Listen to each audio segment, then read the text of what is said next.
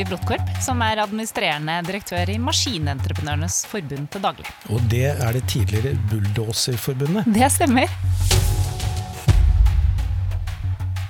Bak i privatbilen har Julie Brotkorp alltid kjeledressen klar.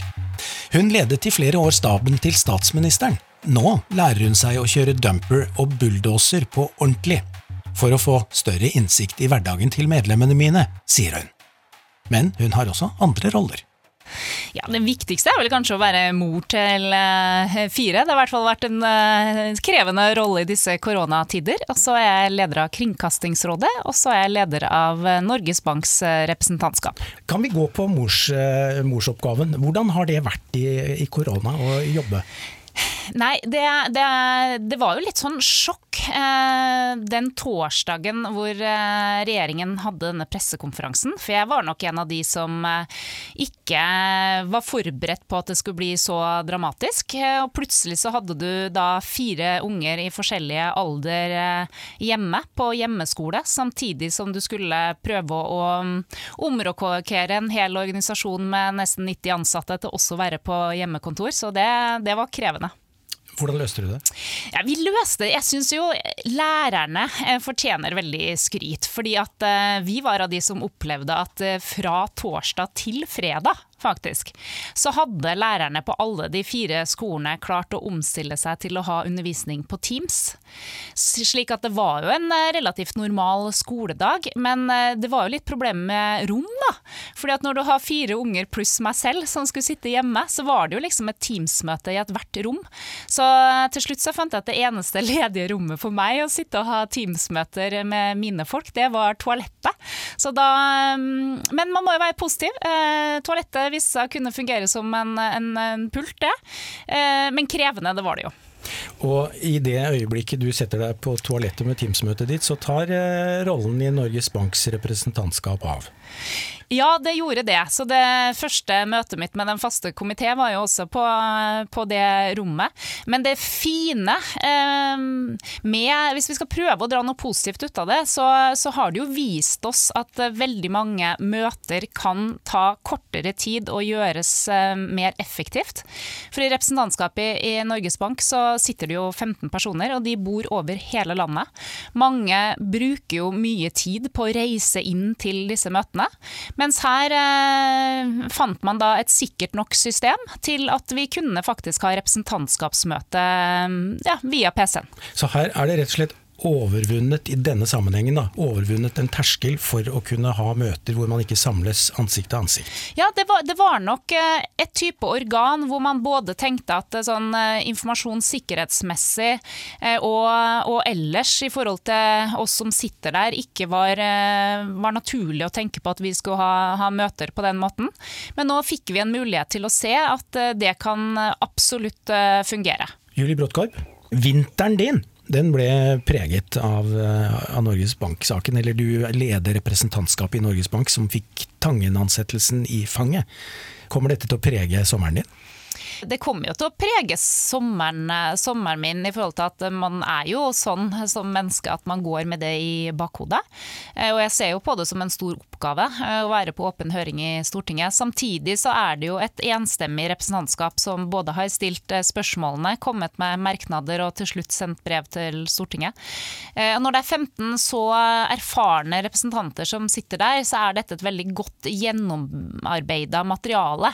Så, så jeg tror ikke jeg må sitte sitte og nipugge noe nytt akkurat, men, eh, men det er klart eh, det kommer til å ligge der i bakhodet.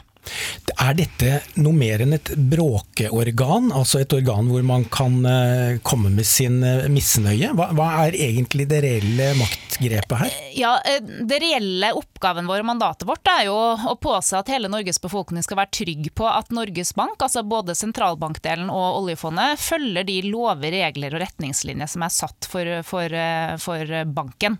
Så der ser vi jo på alt det, men det er også vårt mandat.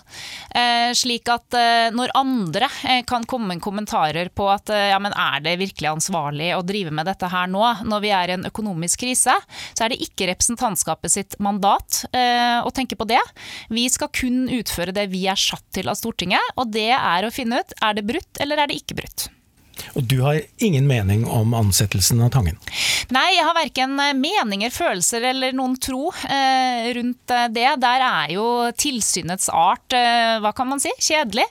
Vi har gjort vår jobb, vi har rapportert til de som har utnevnt oss, og så er det opp til dem hva det er riktig å gjøre med det. Så du følger rapporten inn, og det er det? Ja. Julie Bråttkorp, du er jo også leder av Kringkastingsrådet, altså det rådet som skal da gi, eh, diskutere eh, rollen, får vi vel si, til den institusjonen der du sitter nå, NRK. Mm. Nei, det som, som, imponerte meg eh, i forhold til NRK, var at jeg må innrømme at det var NRKs ledelse som før meg innså faktisk alvoret. Men det er klart det har vært eh, en krevende situasjon eh, for NRK, hvor jeg er veldig imponert over hvor raskt man også der eh, snudde seg rundt. Eh, både med å passe på å ikke få smitte på huset, for dere er en veldig viktig beredskapsinstitusjon. Så hadde dette huset fått mye smitte, så hadde man satt ut noe viktigere enn bare underholdning. Eh, man hadde satt ut en viktig beredskapsinstitusjon. Og så har man jo klart å Og plutselig så ser vi jo på nyhetene en sportsjournalist. Så man har klart å omstille folk til å gå inn i nye roller, når det da ble naturlig nok mindre sport, blant annet, på, på TV.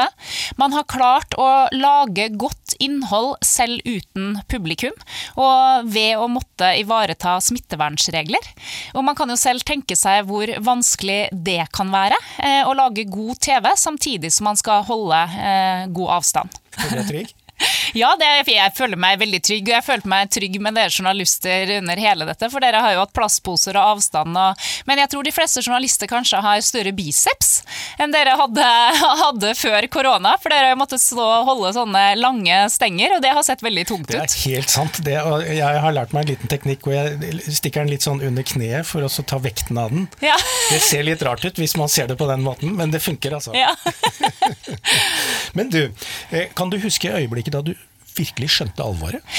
Ja, for jeg, eh, onsdagen før pressekonferansen så var jeg på årsmøte i MEF eh, Nordland, så jeg hadde tatt fly til Bodø. Da, da, må vi si at det gamle Bulldoserforbundet det ja. skiftet navn til forkortelsen MEF, som er Maskinentreprenørenes forbund. Ja. Men det er veldig langt, så vi kaller det bare MEF. Ja. Eh, og da når jeg kom på flyplassen sånn seks om morgenen den onsdagen, eh, så var jeg nok litt sånn trøtt. Og så tenkte jeg har det vært en bombetrussel her som jeg ikke har fått med? For det var altså ingen mennesker der. Eh, og så gikk jeg opp eh, til disse forskjellige kioskene, og sånn, for jeg hadde ganske god tid. Der var det ingen mennesker. Um, og så kom jeg på fly, og da tror jeg kanskje vi var seks stykker på svært SAS-fly. Og da begynte jeg å skjønne liksom at hm, her har det virkelig skjedd noe. Og så var det på vei hjem fra, fra Bodø at uh, Raymond Johansen uh, hadde da en pressekonferanse uh, hvor han oppfordret alle arbeidsgivere bl.a. til å ha hjemmekontor. Eh, sånn at folk ikke skulle stå tett i kollektivtrafikk på busser osv. Og, så og da skjønte man jo at eh, nå, nå, må vi virkelig begynne å omstille oss. Så den kvelden så satte jeg meg ned og skrev en liten plan for egen organisasjon. Så, eh, så var jo jeg en av de da, som litt naivt tenkte at nå må jo fjellet være fint. Så torsdag kveld så tenkte jeg at nå kjører jeg på en sånn liten leilighet på, på Kvitfjell, men der måtte vi jo fort ned. Eh, men da vi stoppet innom en butikk da, og så køene av mennesker som hamstret det meste, da skjønte man jo liksom at uh, dette er faktisk krise. Og Da er vi jo på hytteforbudet og det som skjedde av lukking der. Tror du det kommer til å gjenta seg hvis vi oppstår en lignende situasjon? Det vet jeg ikke, men, men, det jeg vet er at jeg er ikke av de som har vært kritiske til, til noen av de tiltakene som, kom, som, har kommet, rett og slett for at eh, jeg er innmari glad for at vi heller eventuelt gjorde for mye enn for, for lite en, en periode. Um, og så, så Jeg har jo en leilighet i, i, Ringebu, og jeg kan skjønne at en kommunelege i Ringebu ikke hadde lyst til å ha en haug av Oslo-folk eh, oppover dit. Uh, det kan jeg skjønne, for det, det er ikke helse helsevesenet i Ringebu og ei heller Lillehammer rigga for, rett og slett. Har du i løpet av denne tiden hatt lyst til å ta fatt i noe av det politiske? Du har vært rådgiveren til Erna Solberg, veldig tett på.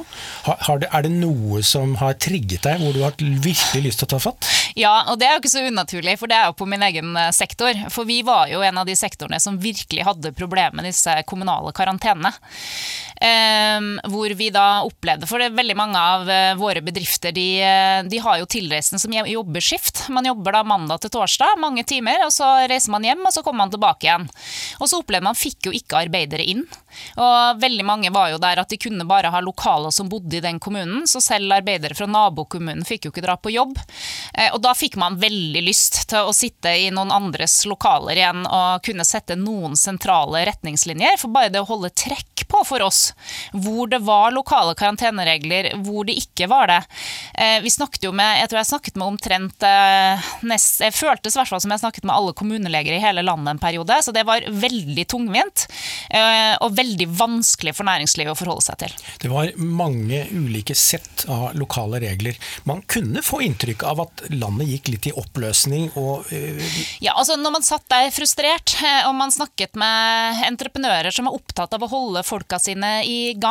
Man hørte politikere som snakket om at nå må vi prøve å holde hjulene i gang der vi kan holde det i gang. Samtidig som du snakket med kommuneleger som sa at nei, men eh, skal man inn i min kommune, så må man ha 14 dagers karantene. Eh, men, men samtidig, når man da fikk liksom roet seg litt, så, så kan jeg jo skjønne disse kommunelegene òg, ja, altså. For de har ett mandat, og de har ett ansvar, og det er å holde bygda si frisk. Har du droppet ferieturer i år? Nei, vet du hva, vi skulle Barna mine er så heldige at de bruker å være i utlandet med pappaen sin noen uker om, eh, om eh, sommeren, så da har de egentlig mest lyst til å være i Norge med meg. Så vi, jeg skulle uansett vært i Norge med ungene, så det, det passet jo bra. Hva, eh, Julie Bråttkorp, er den viktigste lærdommen fra 2020 i din bransje?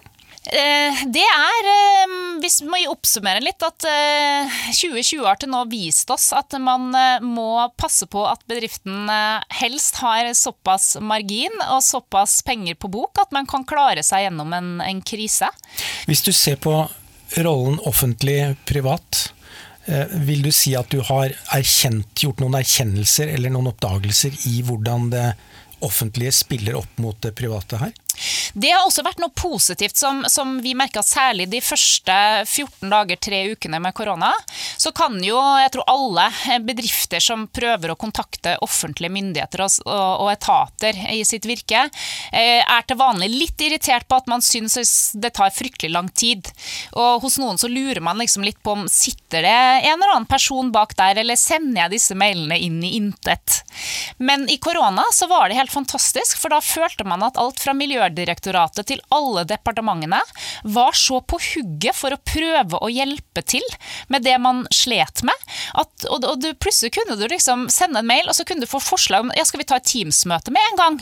Så, så, du var virkelig en sånn kollokvie eh, med etater og departementer. Og det var veldig deilig for det private næringslivet i den krisen å føle at, at de er med oss. Eh, og det tror jeg vi kunne dratt med oss med videre òg. Fordi eh, det, det, var jo ikke det at vi fikk lov til å gå utenfor noen lover og regler eller noe sånt nå. Men for oss er Norsk Arbeidsmannsforbund der, er våre arbeidere er organisert. Og når de og vi som, som fagforbund og et departement og en etat satte oss ned og snakket sammen, så fant vi veldig gode løsninger. Uh, og det var en veldig, sånn, veldig ok opplevelse. Det håper jeg vi kan ta med oss litt videre. At i hvert fall merker jeg uh, på min sektor at vi har et litt annet forhold nå, og respekt. Uh, for den jobben som, som, gjøres i det offentlige. Og vi ser at når det gjelder, så står de på døgnet rundt for oss, altså. Så du sier at byråkratiet denne tiden, det skinte? Ja, det gjorde det. Hva snakket du med rundt middagsbordet i denne perioden? Hva var temaet rundt middagsbordet? Altså Det begynte veldig ofte med sånn type Å, hva tror du Erna sier på pressekonferansen? Tror du vi får gå på skolen i morgen? Og det var jo også litt skjønt, for uh, jeg fikk et sånt uh, kortspill, uh, Fuelbox, uh, av en venninne.